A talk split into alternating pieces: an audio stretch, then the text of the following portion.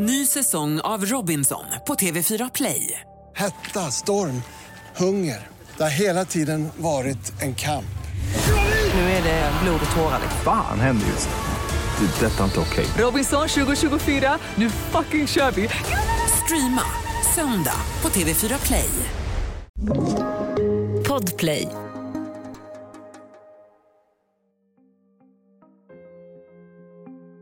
En greve och hans sambo blir brutalt skjutna mitt i Gamla stan i Stockholm en vanlig tisdag eftermiddag. Mannen pekar ut en gammal vän till sin exfru som gärningsman. Den utpekade är Anders Dalenius, en person som ska visa sig vara helt oskyldig. Men när tungt beväpnad polis griper honom och han blir centrum för ett mediedrev får hans liv en ny vändning. Det här är Jag var där.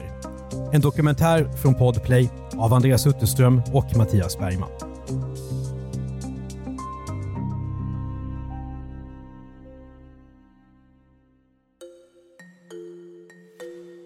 Jag heter Anders Dalenius och 2009 var jag creative director, alltså kreativ chef på en internationell reklambyrå som heter Draft FCB.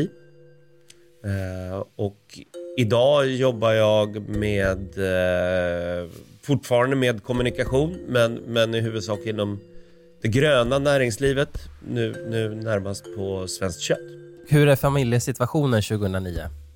Jag bor då på Stora Essingen med min eh, dåvarande sambo, två hundar, hennes dotter, hennes son och eh, min dotter Milla då som, som bor i eh, Frankrike hos sin mamma och går i skolan där och var, kom hit på lov. Anders är en stor fisk i den lilla damm som är Sveriges reklamvärld.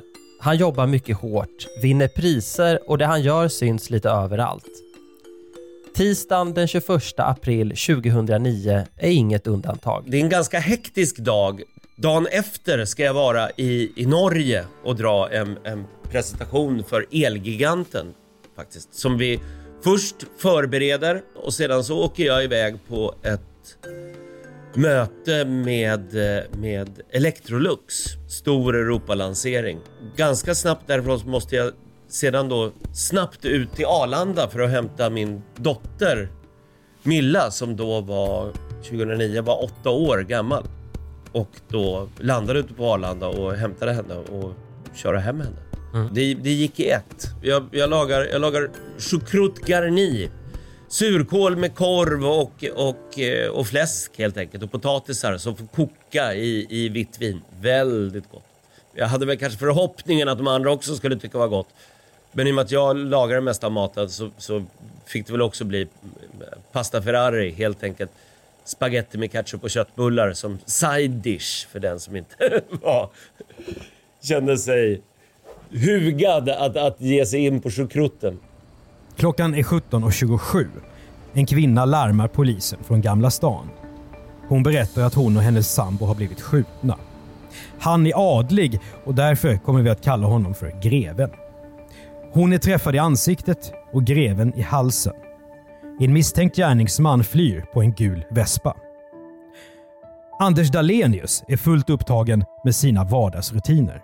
Jag lagar mat och, och, och sen så min, min sambo har, har gått och lagt sig för hon är, är, är lite smårisig. Eh, jag har väl precis avslutat den här lilla bataljen som man har med en dotter som är åtta år gammal om, om när man ska gå och sova eller inte. Nu skrivs det första inlägget om mordförsöket på diskussionssajten Flashback. Klockan blir 20.30 och det ringer på dörren hemma hos Dalenius. Eh, när jag öppnar dörren så står det fyra till sex eh, män utanför. Jag kommer ihåg att jag tyckte att de såg lite utklädda ut för att de hade liksom vanliga kläder och ovanpå dem hade de liksom tagit på sig sådär skottsäker väst där det liksom så här hängde sådär chockgranater. De hade hjälmar, glasögon och, och automatvapen. Min absolut första tanke blir att vi ska inte gifta oss. Alltså det, det såg ut som en svensexa. Kidnappning. Eh, ganska snabbt så, så ska jag dock säga, eh, eftersom de säger, eller rättare sagt skriker. Är du Anders Dalenius? Eh, jag säger, eh, ja. Eh, ja, kom ut. I den här situationen så förstår jag ganska snabbt att det inte är något skoj för att det är det, det här är ju inte insatsstyrkan utan det är piketen i Stockholm heter det. Men det är, det är ju ganska, det är ganska hårdföra killar eh, med inte direkt någon brist på testosteron om vi säger så. Och definitivt inte adrenalin heller i den här situationen. Jag får stå där med händerna mot väggen och de, de känner om jag har något vapen och frågar vilka fler som är i lägenheten. Ja, men det är liksom, det är min dotter och mina hundar och min, min sambo. De rumsterar om eh, där inne och sedan, sedan så eh, får jag helt enkelt följa med dem ut. Jag får, jag får varsin polis under varsin arm och så ska vi gå ut till en bil. Ja, nu ska vi med er. Det var lite kyligt så att jag sa jag kanske får med mig några kläder och då tar det ett litet tag så går de in, hämtar kläder som de sedan stoppar på mig. De tar kläder från hallen helt enkelt liksom. Tar ett par skor, tar, och tar, en nyttig, tar någon tröja och någon nyttig jacka eller någonting som hänger där. Jag blir, jag blir, jag blir så här placerad med sådär, det kommer jag också ihåg, så här hand på huvudet. Sådär. Som man ser på film. Som man ser på film. Jag får hjälp att sätta min bil. Eh, Det första jag märker när jag kommer ur porten är att jag blir fotad. Det, det, det blixtrar. Det står en fotograf där utanför och fotar när de stoppar in mig i bilen. Och det kan jag tycka var, det tyckte jag både var konstigt och olyckligt i samma ögonblick där. Alltså... Situationen är overklig. Alltså det, för mig är det helt uppenbart den här initiala, ni har kommit fel. Ja men det här är ju ett misstag. Det kommer ju liksom att nysta upp sig när liksom det här är liksom inga killar man snicksnackar med eller påbörjar en diskussion med. Det, det, var, det var väldigt... De är, väl, de är garanterat väldigt bra på vad de gör. och, det, och det är väl att omhänderta potentiellt väldigt farliga människor. Jag frågar nog någon gång liksom, du, vad handlar det här om? Nej, vi kan, kan inte säga. Alltså, jag får, inga, jag får inga svar och det jag får svar är att jag inte får fråga. Precis som det ska tar gripandet bara någon minut. Aftonbladets fotograf är på plats som sagt och får sina dramatiska bilder. Anders barn och sambo sover tungt och har inte vaknat. Han körs den korta biten från Stora Essingen till poliskomplexet på Kungsholmen. Bilen åker våning efter våning ner i polisgaraget under Kronoberget. Från nu har Anders Dalenius sett himlen för sista gången på ganska länge. Jag blir eh, införd till, till, till någon form av lite sån här eh, förhörspolissluss som man ska säga. Där, där jag får sitta och, och när jag sitter där så dyker upp en liten man och tar mina fingeravtryck och, och eh, börjar borsta av mina händer med en liten borste och sådär. Då börjar jag väl liksom ana någon form av, av oråd om man ska säga så. De borstar av det här och sedan så kommer jag ihåg att de sätter in mig i någon form av cell. Det är liksom bara en, en väggfast bänk läng, längs väggen. Och så, och så är det, och så är det en, en dörr i glas och det, det finns absolut ingenstans att gömma sig om man ska säga så. Det, det är helt klart ett observationsrum. Och där blir jag lämnad. Klockan är nu ungefär eh, nio. Och då är du plötsligt ensam i det här rummet då. Och hur går tankarna? Jag blev rädd eh, och sen så blev jag arg. Jag har någon form av, av grundtro eh, på grund av den livshållning jag har. Jag fick helt enkelt be om, om, om hjälp att, att, att sluta vara rädd. Jag, jag, jag bad och så snälla hjälp mig, det här är, är läskigt. Och Ba- det bad till Gud menar du alltså? någon form av gud. Ja, Ja. mm. Det är någonting jag faktiskt brukar göra när jag blir hamnar i situationer jag inte kan hantera. Någon skriver samtidigt på Facebook att hans granne, som är så trevlig, just har gripits av polis. Spekulationerna är igång. Vad ligger bakom mordförsöket i Gamla stan? Är det ett svartsjukedrama? Är droger inblandade? Har någon beställt dådet? Och framför allt, vem är den gripne? Det här är ju fel. Jag är ju inte här. Vill, liksom, vill, vill ni inte lyssna på mig? Men det kom människor och ställde sig där utanför och tittade på mig och jag... Hallå? Jag, kan ni säga varför jag är här? Och de bara liksom... Total stonewall. Bara liksom tittar på mig just som ett ting. Min egen sfär upphör. Alltså jag blir ett föremål som flyttas runt, granskas, eh, analyseras, tittat på. Men inte en person man talar till eller möter blicken eller svarar på till. Alltså jag är ett föremål. Och hur känns det att vara ett föremål? Extremt märkligt. När, när jag blir kvitt en bit av den här rädslan så insåg jag, så inser jag att de måste ju ha trott att jag har gjort någonting. Och då börjar jag automatiskt att tänka igenom hela min dag. H- hade du gjort någonting där som, som skulle kunna vara tveksamt? Har det varit skatteplanering och sådana saker som du tänkte wow, det där kanske någon nu har synat i sömmarna så att det kan vara därför jag sitter här? Nej, alltså, alltså jag, liksom, jag är ju vid, vid den här tiden, liksom, jag, jag lever ett... Eh, jag jobbar ganska mycket, men jag lever ett lugnt, stillsamt liv. Jag jagar. För, för, förvisso, vid den här tiden så har jag inte ens druckit alkohol på tre år. Så att jag har inga situationer bakom mig där det är sådär, kan det ha hänt något där som jag har glömt bort? Jag har stenkoll på mitt liv. Är du dömd för brott tidigare? Nej, jag är inte dömd för brott tidigare. Är du känd som en våldsam person? Nej, jag är inte känd som en våldsam person. Tankeverksamheten är väldigt, väldigt intensiv här och jag blir orolig för, för dem där hemma. Jag har inte hunnit sagt någonting, jag- alltså, jag har bara försvunnit. Eh, Jag, jag, blir orolig för, jag blir orolig för min dotter.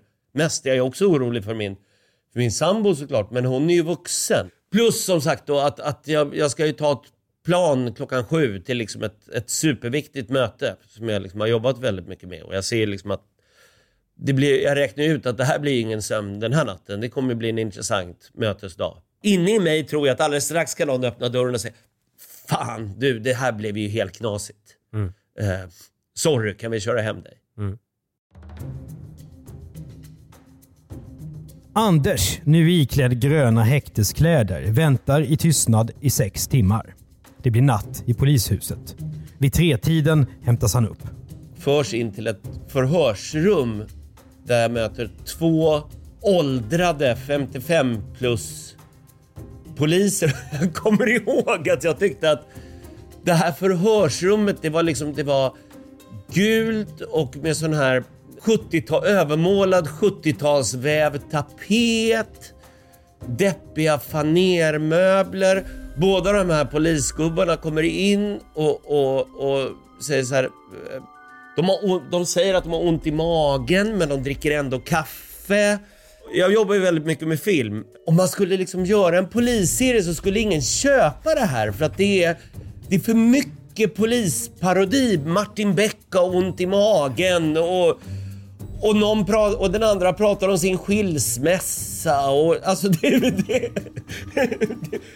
Nej, till slut så sätter de sig ner i alla fall och, och jag får säga Förlåt, men jag måste få fråga varför är jag här? Och, och, och då, då... Det är första gången någon tittar på mig och svarar och då säger den ena, jag kommer inte ihåg några namn, men... Och men det kan vi säga, du, du är här, du är här, du är misstänkt för försök till dubbelmord. Och min absolut första reaktion, som jag säger rätt ut också, det är Men gud vad skönt, för det har inte jag gjort. det, det, det, jaha, säger de då. Du, du, du kan väl berätta lite vad du har gjort idag? Jo, jo ab, absolut, säger jag. Men, men jag kanske ska ha en advokat eller någonting. Eh, och då säger de, nej, du vet, det här, vi ska bara gå igenom lite. Ja, kan vi göra det, det här snabbt så jag kanske kan komma iväg sen? För jag har ett möte imorgon och jag är lite orolig för min dotter. Ja, absolut. Vi, vi snackar lite. Så här i efterhand inser jag att det kanske man inte alls ska göra. Men, men, men jag trodde på dem. Jag börjar berätta för dem om, om min dag.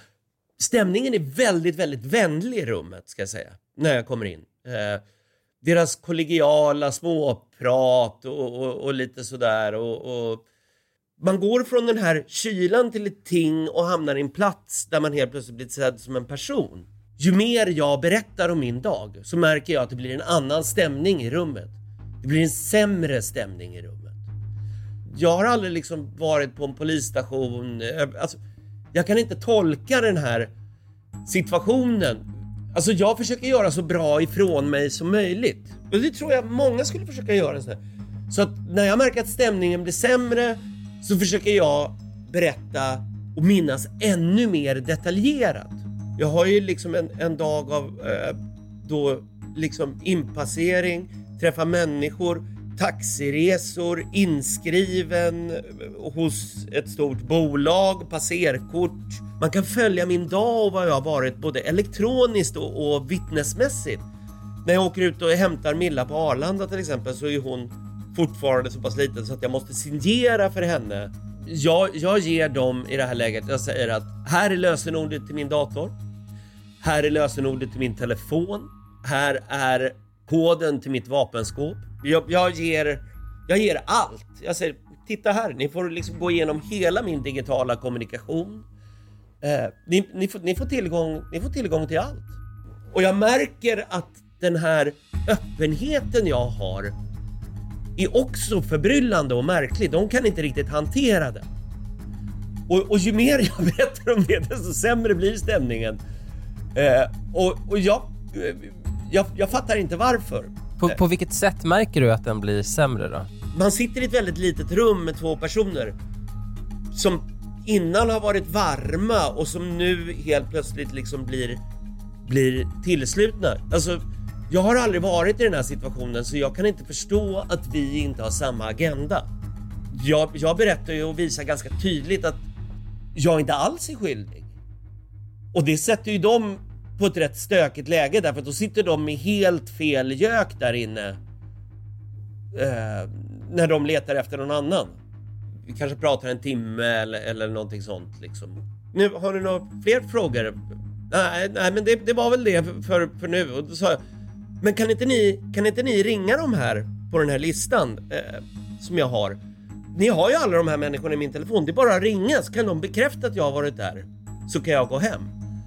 Och då kommer jag ihåg att de så här sträcker på sig. Nej hörru, vi ringer inte och väcker folk mitt i natten. Det där, det där får vi kolla imorgon. Vi, vi överlämnar dig till, till häktet så kollar vi på det imorgon.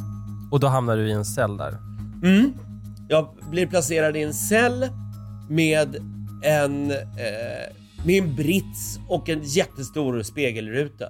Och en eh, rostfri panel med en, med en knapp på. Jag har någon fåfängd plan om att jag fortfarande ska hinna med flyget till Oslo. Eh, Det är jättemycket tankar i huvudet och jag försöker sova men, men ljuset är ju tänt i, i, i cellen. Jag lägger mig under britsen istället. Och kan väl och nickar väl till lite grann. Ny säsong av Robinson på TV4 Play. Hetta, storm, hunger. Det har hela tiden varit en kamp. Nu är det blod och tårar. Fan händer just nu. Det. är Detta är inte okej. Robinson 2024, nu fucking kör vi! Streama söndag på TV4 Play. Poddtips från Podplay. I podden Något Kaiko garanterar östgötarna Brutti och jag, Davva, dig en stor dos skratt. Där följer jag pladask för köttätandet igen. Man är lite som en jävla vampyr. Man har fått lite blodsmak och då måste man ha mer. Udda spaningar, fängslande anekdoter och en och annan arg rant. Jag måste ha mitt kaffe på morgonen för annars är jag ingen trevlig människa. Då är du ingen trevlig människa, punkt. Något Kaiko, hör du på Podplay. Därför är gardinerna. Onsdag morgon. Anders Dahlenius namn skrivs för första gången i Flashback-tråden. Den skjutne mannen, hans sambo, hans exfru, Anders och hans familj. Alla blir de nu ett slags nätkändisar, utpekade i samband med mordförsök. Hur är frukosten på häktet? Nej, den är ganska deppig va. Några svettiga ostmackor, lite, lite varmt vatten i en termos man sedan kan få göra en eskaffe eller te. Jag har inte varit så rädd hittills. För mig är det ju så uppenbart att jag inte liksom har någonting med det här att göra. Och, och jag sitter ju i en väldigt tuff cell, det vill säga en sån med fullständiga restriktioner. Hon kommer in med den här maten, den- här kvinnan, jag tror att hon ser att jag ser lite tilltufsad ut. Så när hon, när, när hon sträcker ut, eller frukostbrickan och jag tar emot den så minns jag att hon lägger sin hand på min och säger att du ska se att om bara några veckor får du nog en bättre cell. Oj. ja, och, och jag, jag är till denna dag övertygad om att hon säger det för att vara snäll. Det här är första gången jag blir rädd på riktigt därför att alltså tänk om någon tror att jag har gjort något. Jag blev, jag blev jätterädd. Klockan 11.23 står det på Flashback. Fascinerande vad internet är kapabelt till. Tog två timmar för Flashback att forska fram vem det var. Helt galet när man tänker på det. Vem det var, det är Anders Dahlenius som avses. Men nu råkar det vara så att han har ett vattentätt alibi. Nytt förhör, men den här gången med två kvinnliga poliser. I ett helt annat rum. De ställer en del andra frågor och, och huruvida jag känner han som kallas greven eh, innan. Och, och jag, när jag hör hans namn, jag säger att jag har ingen aning om vem det är. Jag har aldrig ens träffat honom. Ja, det är helt uppenbart vilka som är de tänkande inom kåren måste jag säga. Framför allt så, så börjar ju de förstå att, att det här kanske är ett stort misstag och när jag berättar om vad, hen, om vad deras kollegor har sagt och hur de har betett sig kvällen innan så är, går det inte att undvika att de tycker att situationen är rätt pinsam. De börjar också då eh, berätta lite mer vad det här handlar om och, och, och, och jag har inte ens hunnit titta på några nyheter så jag vet ju inte ens att någonting har hänt. Men vilken koppling finns då mellan Anders, den skjutna greven, sambon och exfrun? Polisen måste ju ha sina skäl att gripa Anders med skottsäkra västar på. Jag, jag känner till hans namn eh, via, via så att, att jag faktiskt 1992 läste teoretisk filosofi eh, och fick där en kompis som jag sedan vet kommer att gifta sig med honom. Och vi är kompisar på Facebook. That's it. Jag och, och hans exfru. Ställer de frågor om henne också? Ja, det är ju faktiskt någon jag, jag, jag känner och då berättade jag att vi, vi kände varandra när vi läste på universitetet men sen så har vi liksom inte haft någon kontakt. Eh, men i och med sociala medier, att Facebook kom, ja men så har vi liksom blivit kompisar igen men det har förflutit en massa år där jag bara liksom via bekantas bekanta vet att, att hon har gift sig med honom. För det här var en studiekamrat, inte så att det är en gammal flickvän? Nej, den, vi har aldrig haft en relation med varandra mer än att vi har pluggat ihop. Förhöret fortsätter. Kommer ihåg att mot slutet så frågade de eh, Men du, men varför vill du inte ha någon advokat? Och, och jag sa att "Nej, det var era kollegor som sa att jag inte behövde en. Nej, men, men det, är- det är nog bra. Vi, vi kan, vi kan se, se till att du får ringa. Vill du ha någon speciell? Och jag sa nej, det spelar absolut ingen roll. Jag, jag vet inte, jag känner inte till några advokater. På det här mötet så blir det för mig uppenbart att de, eh, om jag ska säga, är på min sida. Eller, eller åtminstone ser att det här är helt fel gök. Och, se, och de frågar också om, om jag vill prata med en präst. Får du en advokat sen? Ja, jag, jag blev förd tillbaka till, till cellen och, och ganska, ganska kort därefter så får jag, eh, eh, får jag ett telefonsamtal från det som är min advokat som, som presenterar sig som Björn Hurtig, eh, som jag inte känner eller har hört talas om. Och är oerhört trevlig. Han frågar, han frågar hur jag mår, han frågar hur det är, han frågar vad han kan göra för mig. Han, han, ska jag fixa någonting? Nej, men jag, kan, jag tänker att jag kan ta bussen hem. Eh, och då säger han till mig att Vet du vad? Det är nog ingen bra idé att, att du går ut ur, ur uh, går ut från framsidan för att det är rätt mycket journalister där. Och jag säger, varför då? Jag, jag kan liksom inte förstå det. Nu låter det ju väldigt mycket mig med mig här som man blir någon superego, men när man även under en kort tid har blivit behandlad som en icke-person, just som ett ting. Så på ganska kort tid märkte jag i mig själv att liksom, det, det, blir, det blir viktigt. Onsdagen den 22 april öppnas Anders Dahlenius cell. Han får byta kläder och släpps ut. Polisen har talat med hans kollegor. Det är uppenbart att han inte är skyldig utan var på en annan plats när skotten föll i Gamla stan. Nu får han åka bil hem till familjen. Familjen har ingen aning om att jag är på väg hem. När jag kommer hem till Stora Essingen eh, och kliver ur bilen så är det fullt av journalister utanför vårt hus. Eh, och då armbågar jag mig i stort sett bara liksom fram och, och in, in i, i, i vårat hus och, och, och ringer på dörren och min sambo och min dotter kommer och jag går in i lägenheten. Och hur är det? Milla förstår inte riktigt vad liksom, utan det är, det är bra att jag är hemma. Eh, min, min sambo är väldigt pressat samlad och vi bor på första våningen och alla persienner är neddragna därför att journalister och fotografer har stått och fotat in genom fönstren i lägenheten. Jag, tänk, jag tänker på dem runt omkring mig. Jag tänker på mina, jag har två äldre systrar och, och en, då en mamma och en pappa i livet där, där min mamma var väldigt sjuk och, och jag, är, jag är orolig för dem. Jag försöker ringa. Eh, här på den här tiden har man fortfarande vanlig telefon hemma. Så fort jag lyfter för, för att ringa så har det liksom redan ringt och det är någon där. På något sätt så måste vi komma härifrån. Liksom, vi, vi kan inte vara hemma här på, på Stora Essingen för att det, det, är fullt av journalister utanför huset. Det ringer på dörren. Det står ju liksom bilar med antenner på taket. Alltså, det det är en mer overklig situation än den jag redan har varit i. Gripen, misstänkt för mordförsök i två fall. Ett antal timmar i häkte. Nu går Anders Dahlenius historia in i ett nytt kapitel. Kapitlet om ett mediedrev på Flashback där privatspanarna fortsätter att gräva. Lägenheten på Stora Essingen är belägrad. Anders Dahlenius sambo och dotter har inte fått veta något. Deras hem sattes under husrannsakan. En granne kommer upp och erbjuder familjen hjälp. De lånar en mobiltelefon och kan ringa till Anders syster. Svågen hjälper honom iväg till deras hus i Norrtälje norr om Stockholm. Där blir det lite lugnare. Men nu förstår Anders också vidden av uppmärksamheten. Här är första gången jag sätter mig ner, öppnar en dator och, och ser den här nyheten.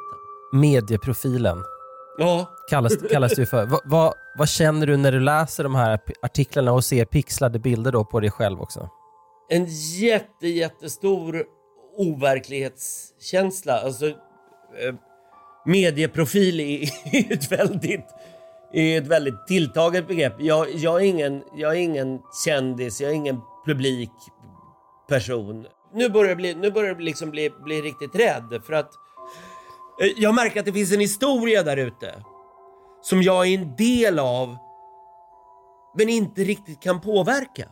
Men jag går in och, och ser den mailflod jag, jag har fått och ser mejlförfrågningar mailförfrågningar från en massa journalister som erbjuder mig tid att berätta min historia. Men jag är tvungen till att tacka nej. Jag, jag kan inte tacka ja till någonting alls. Eh, därför att eh, jag kan säga att det inte är ja, men jag kan inte svara på frågan varför. Därför att jag vet inte. Ja, utredningen pågår. Jag kunde inte umgås med någon, jag kunde inte vara ute. Jag, därför att jag kunde inte svara på frågor. Jag kunde inte svara på frågan, men Anders, varför du då? Därför att jag visste ju inte. Nej, det är fortfarande helt okänt varför Anders har gripits. Samtidigt har den skjutna grevens exfru gripits, misstänkt för att ha lejt en person att döda greven. Jag, jag inser här att den här situationen är superproblematisk och det är dessutom här jag upptäcker det, det stora problemet. Jag får ett mail av någon som säger du måste se vad de skriver om dig på Flashback. Flashback? Liksom, där sitter väl bara de som förut jobbade på Spray och dricker Jolt Cola och liksom och pratar Java. Jag börjar läsa den här tråden och då är den, jag tror att det är typ så här 26 sidor. Och medans jag klickar på nästa sida för att komma fram så har tråden blivit 29 sidor. Och medan jag klickar för att läsa sid 3 så har tråden blivit 36 sidor. Någonting här rullar som jag inte har någon kontroll över. Och jag läser människor som berättar saker om mig och varför jag är den som ändå är skyldig. Jag läser två postare som jag kan se att det här är nog personer som, som känner mig. De tillhör inte den närmaste kretsen, men de tillhör nog kretsen bekanta. Vem lagar choucroute garnier till en åttaåring? Nej, du ser, han måste vara skyldig. Det, det, det gör man ju inte. Men hur, hur, hur, hur var den uppgiften ute? Av precis samma anledning som när polisen tog mig, varför det stod en fotograf och filmade eh, och fotade mig. Eh, därför att polisen läcker som ett såll. Men det, men det dyker upp diverse diffusa konspirationsteorier. Eh, de anammas inte av etablerade media förutom en uppstickare som heter Realtid. Ingen av de etablerade medierna skriver ut mitt namn eller visar mitt ansikte. De behöver ju inte göra det. De drev nyheten, Flashback drev in de andra. De är inte kopplade till varandra, de har inte kommersiellt syfte av varandra, men ändå så behövde de varandra. Flashback-tråden har på bara några dagar flera tusen inlägg. Eftersom ingen är dömd för mordförsöket är allting att betrakta som skvaller. Och skvallret om just Anders upptar en stor del av tråden. Inläggen kommer att visas miljoner gånger de kommande dagarna. I den här Flashback-tråden dyker det upp någon dag senare en, en tes om att motivet för mig för att göra det här skulle vara att min exfru, det vill säga Millas franska mamma, skulle haft en relation med greven som jag aldrig har träffat och att ett DNA-test skulle ha visat att han är pappan till Milla. Och det skulle vara mitt skäl för att, att skjuta honom. Känner din exfru greven? Nej. Hur kändes det att läsa det då? Vändningen i den här tråden och på Flashback kommer när en dag senare publicerar just Realtid exakt samma uppgifter. Fast de hävdar att de kommer från egna källor. Och när det händer, då vänder någonting i den här tråden. Jag satt tyvärr och läste den här tråden alldeles för mycket där. Och det borde jag kanske inte ha gjort, men, men, men det gjorde jag. Lugnet hos systern är snart slut. För nu ringer tidningen Expressen på den fasta telefonen. Anders gömställe är avslöjat. Han ringer därför en nära vän som har ett hus i Sörmland. Nu inleds en formlig flyktoperation som innefattar avledningsmanöver i bil, möte på ett McDonalds, bilbyte och inköp av kontantkortsmobiler. Det är som en spionfilm nästan. Ja, vi beter oss ju som kriminella för att vi blir behandlade som det. Nu har en 41-årig dörrvakt gripits misstänkt för mordförsök. Polisen tror att exfrun är den som lejt honom. Anders Dahlenius är lovligt byte i ett mediedrev. Men han vet hur medier och kommunikation fungerar. Från gömstället kan han följa reportrarnas arbete och nättrollens. Hur har du och din arbetsgivare diskuterat vad du ska göra nu? Jag ska inte in på jobbet, det får jag veta väldigt tydligt. Jag vill bara komma tillbaka och jobba. Jag vill inte att saker ska vara konstiga, för jag har ingenting att göra med det här. Men min arbetsgivare som då är, är en global byråkedja eh, ger mig en, en, en krishanterare som ska se efter mina intressen. Min eh, arbetsgivares eh, främsta prio är att hålla mig borta ur all form av media. Jag, jag, tror man måste förstå att när man befinner sig mitt i det här drevet så är skyldig eller oskyldig sekundärt. Jag är ett problem för ett stort konsultnätverk. Men nu kommer hjälp från mediehåll. Anders är vän med Aftonbladets kriminalreporter Oshin Cantwell. Och Cantwell talar med åklagaren som säger att Anders Dahlenius glasklart är oskyldig till brott. Anders bestämmer sig då för att tala ut. Det kan lugna drevet och tvätta bort misstankarna, inte minst på nätet. Och då säger jag till Oisin att, ja men vet du vad, då, då får du, då får du min story. Jag vet fortfarande inte varför.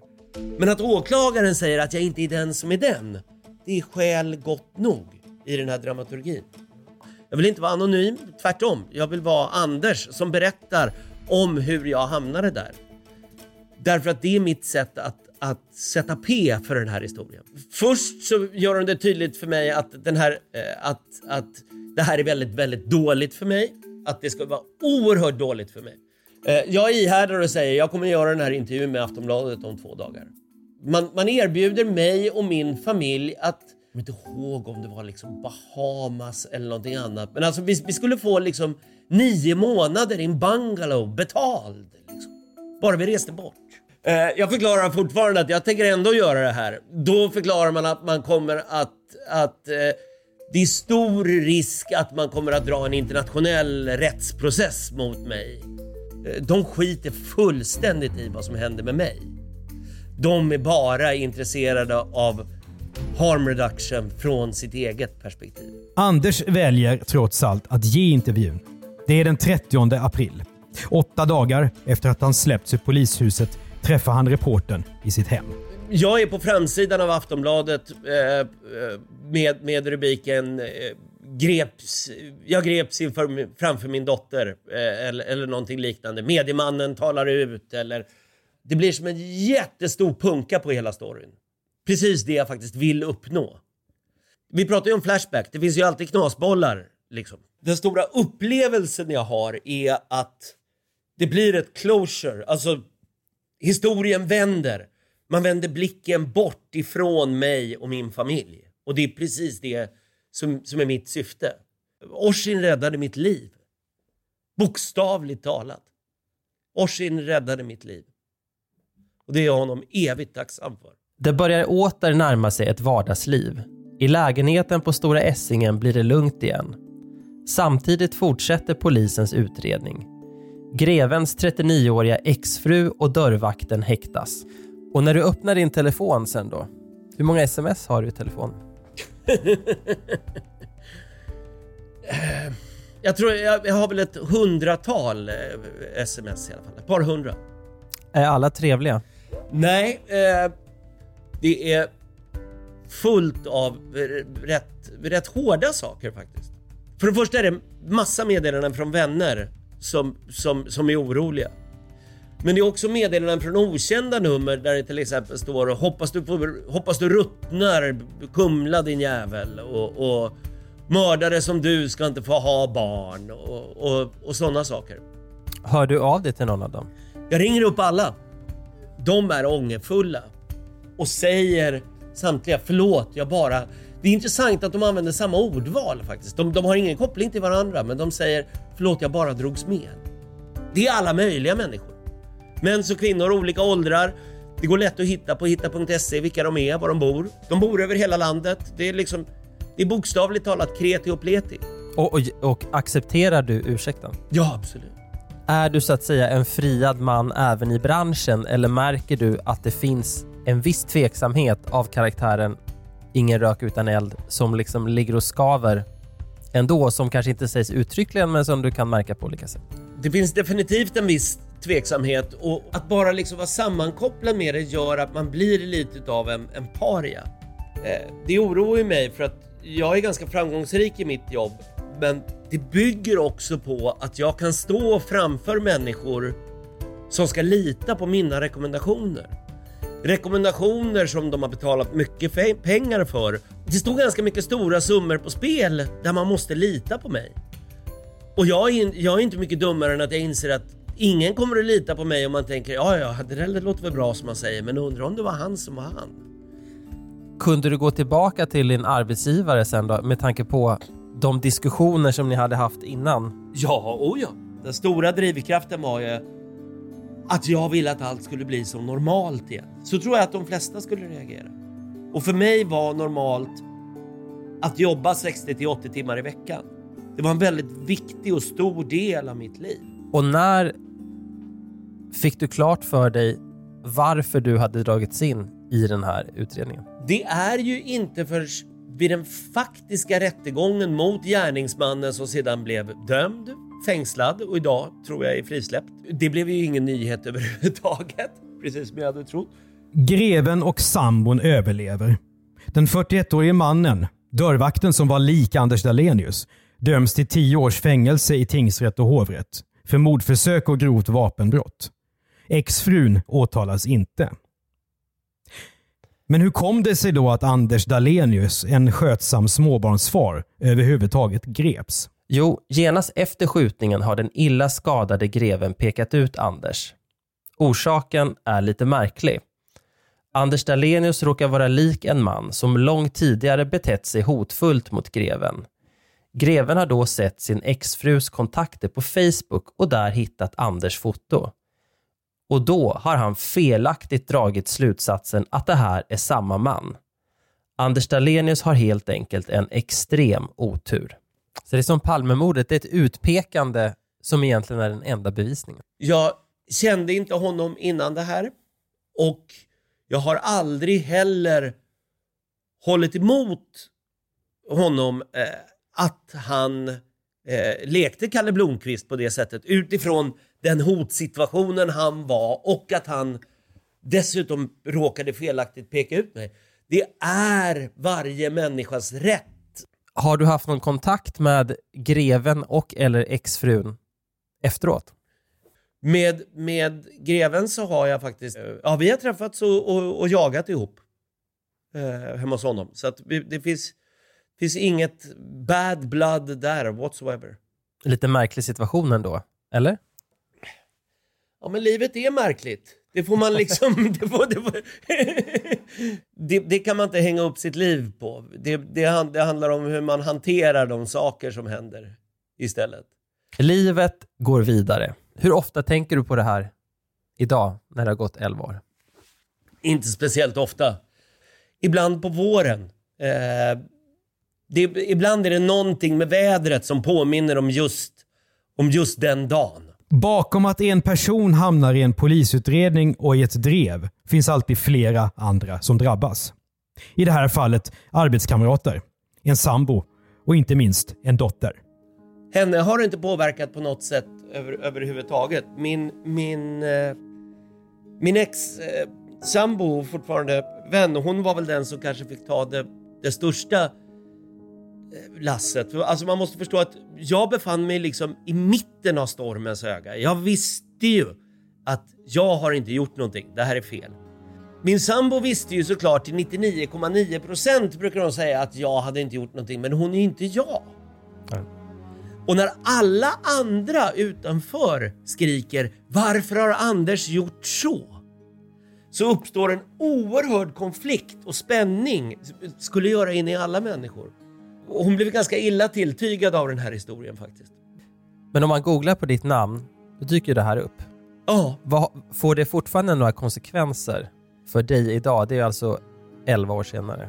Nej, inte, inte mer än att jag ibland får, får, eh, får svara på frågor kring det här. Och arbetsmässigt så vet jag att det har fått konsekvenser. In, ingen säger rent ut att liksom Nej, men vi skulle undvika dig för att du är den som är den. Men under många år så vet jag ändå liksom att, att så, så var det ju.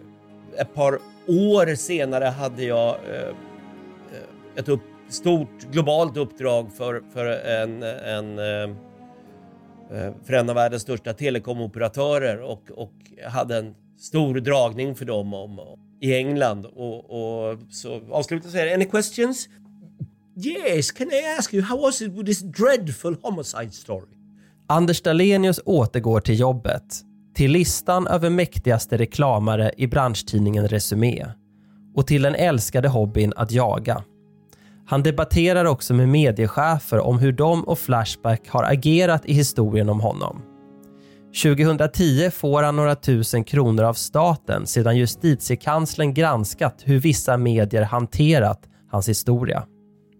Ett brottsoffer såg en koppling i sociala medier. Enligt en likhet på ett foto. Det var bakgrunden till att Anders Dahlenius greps misstänkt för dubbelt mordförsök. Journalisterna, kanske lite uppeldade av det massiva trycket på internetforum, fungerade som de brukar göra under press. På gott och ont. Och polisen hade naturligtvis inget annat att göra än att sköta sitt jobb och utreda utpekandet. Jag tror nog ändå att, att det hade kunnat gå att lösa på ett smidigare sätt än machovägen med insatsstyrkan. Det hade inte krävt speciellt mycket slagningar av polisen för att upptäcka att jag är fullständigt ostraffad. Ja, jag har, jag har vapen, men jag är jägare så att det liksom...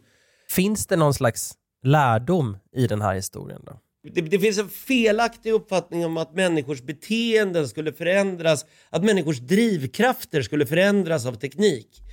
Jag vill påstå att, att vi är exakt högst om samma, men att tekniken ger oss nya möjligheter att vara de primitiva flockdjuren vi var på 1900-talet, 1700-talet, 1400-talet, 1200-talet. Sorry, vi är inte bättre än så. Det, det, är ytterst få löpsedlar som har kommit på någon som har blivit frisläppt. Han var oskyldig, säljer inga tidningar. Eh, jag var från början tveksam till att, att vara med i den här intervjun, för jag har berättat den här historien så många, många gånger. Men det är mitt sätt att, att hantera det, att, att eh, försöka äga min egen historia. Det finns en doktrin som är oerhört felaktig. Det, det är den här all PR är bra PR. Stämmer inte och definitivt inte i den digitala åldern. Att vara omskriven rätt eller fel i, i sig är inte heller alltid ett positivt värde. Du har hört ett avsnitt av Jag var där, en dokumentär från Podplay av Andreas Utterström och Mattias Bergman. Exekutiv producent Jonas Lindskov. För Podplay gör vi även poddarna Misslyckade brott, Misslyckade makthavare och Misslyckade affärer. Dessutom driver vi innehållsbyrån Commercial Content och gör du podden världens bästa innehåll. Betygsätt och prenumerera gärna på podden i din poddspelare så är det fler som hittar till den. Och tipsa oss gärna om nyhetshändelser som vi borde göra ett Jag var där-avsnitt om till jagvardar.bplus.se.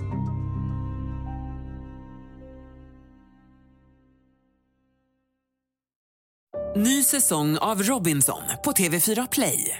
Hetta, storm, hunger. Det har hela tiden varit en kamp. Nu är det blod och tårar. Fan händer just det. Det är detta inte okej. Robinson 2024, nu fucking kör vi! Streama söndag på TV4 Play.